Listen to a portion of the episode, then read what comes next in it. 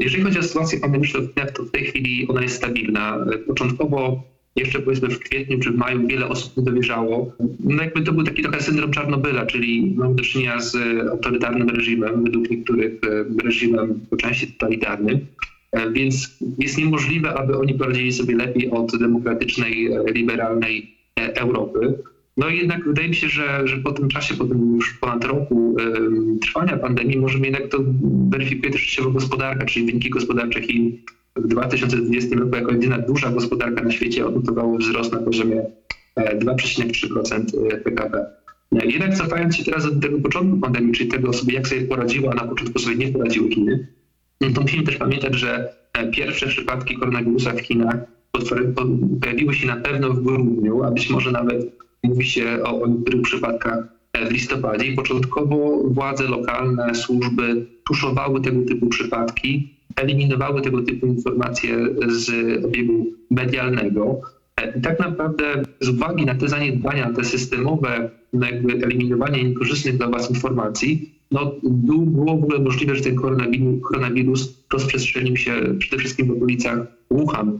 To Wuhan było tym pierwszym miastem, które zostało przez pandemię e, uderzone. I tak naprawdę to był problem też taki, że dopuszczono do rozprzestrzeniania się wirusa w sytuacji zbliżającego się chińskiego Nowego Roku, czyli to jest największej migracji ludzkiej na świecie, gdzie tak naprawdę mm, to jest kilkaset milionów osób, które zmieniają miejsce zamieszkania, podróżują po całe Chiny. I ocenia się tak naprawdę, że gdyby władze chińskie wprowadziły lockdown wcześniej, albo w ogóle podjęły jakiekolwiek działania mające na celu ograniczenie rozprzestrzeniania się tego wirusa, powiedzmy dwa tygodnie, wcześniej, trzy tygodnie wcześniej, to można byłoby ograniczyć rozmiary pandemii nawet do e, 95%. Czyli prawdopodobnie mieli do czynienia z jakąś lokalną grupą zakażeń, ale nie przyjęłoby to em, rozmiarów globalnych. To było badanie przeprowadzone przez University of Southampton e, w Wielkiej Brytanii. Więc ten pierwszy, pierwszy miesiąc pandemii, e, czy ten pierwszy, pierwszy okres, który został przez, władze komunistyczne zmarnowany. Tym niemniej potem jakby te, te władze bardzo zaangażowały ogromne środki, e, aby, aby tę pandemię przezwyciężyć, co było zrozumiałe z uwagi na fakt, że no, lockdown doprowadził do no, największej recesji od, e, od kilkudziesięciu lat, ogromnego kryzysu gospodarczego, więc zwyczajnie zwyciężenie, pokonanie pandemii jest, jest po prostu opłacalne dla każdego państwa. I to, i tego, to nie podlega dyskusji. No i tutaj mm, system polityczny państwa, w którym można po prostu zarządzić odgórnie e, potężną blokadę komunikacyjną. E, Ocenia się, że łącznie w tym okresie e, styczeń, luty em, no, ograniczono możliwość poruszania się swoboda było 770 milionów osób. No i w konsekwencji tego na początku marca Xi Jinping wrócił do Wuhan i tam wygłosił przemówienie, w którym ogłosił zwycięstwo w wojnie ludowej z, z koronawirusem.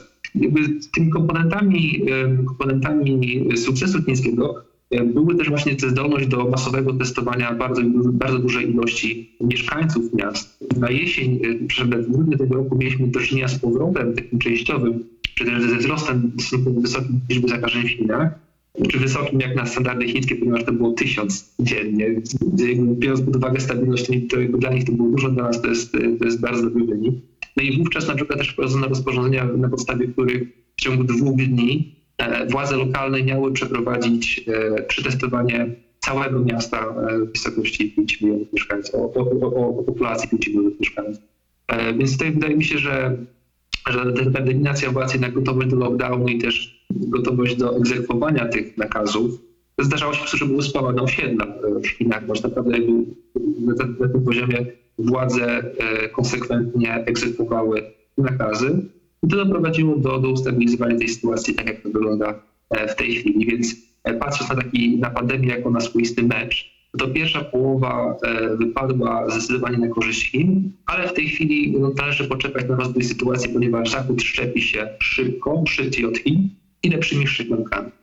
I tutaj trzeba jeszcze zobaczyć, jak to się wszystko rozwinie, czy Chiny będą w stanie, czy i kiedy będą w stanie nabyć odporność populacyjną, bo to jest tak naprawdę taki ostateczny warunek powrotu do normalności.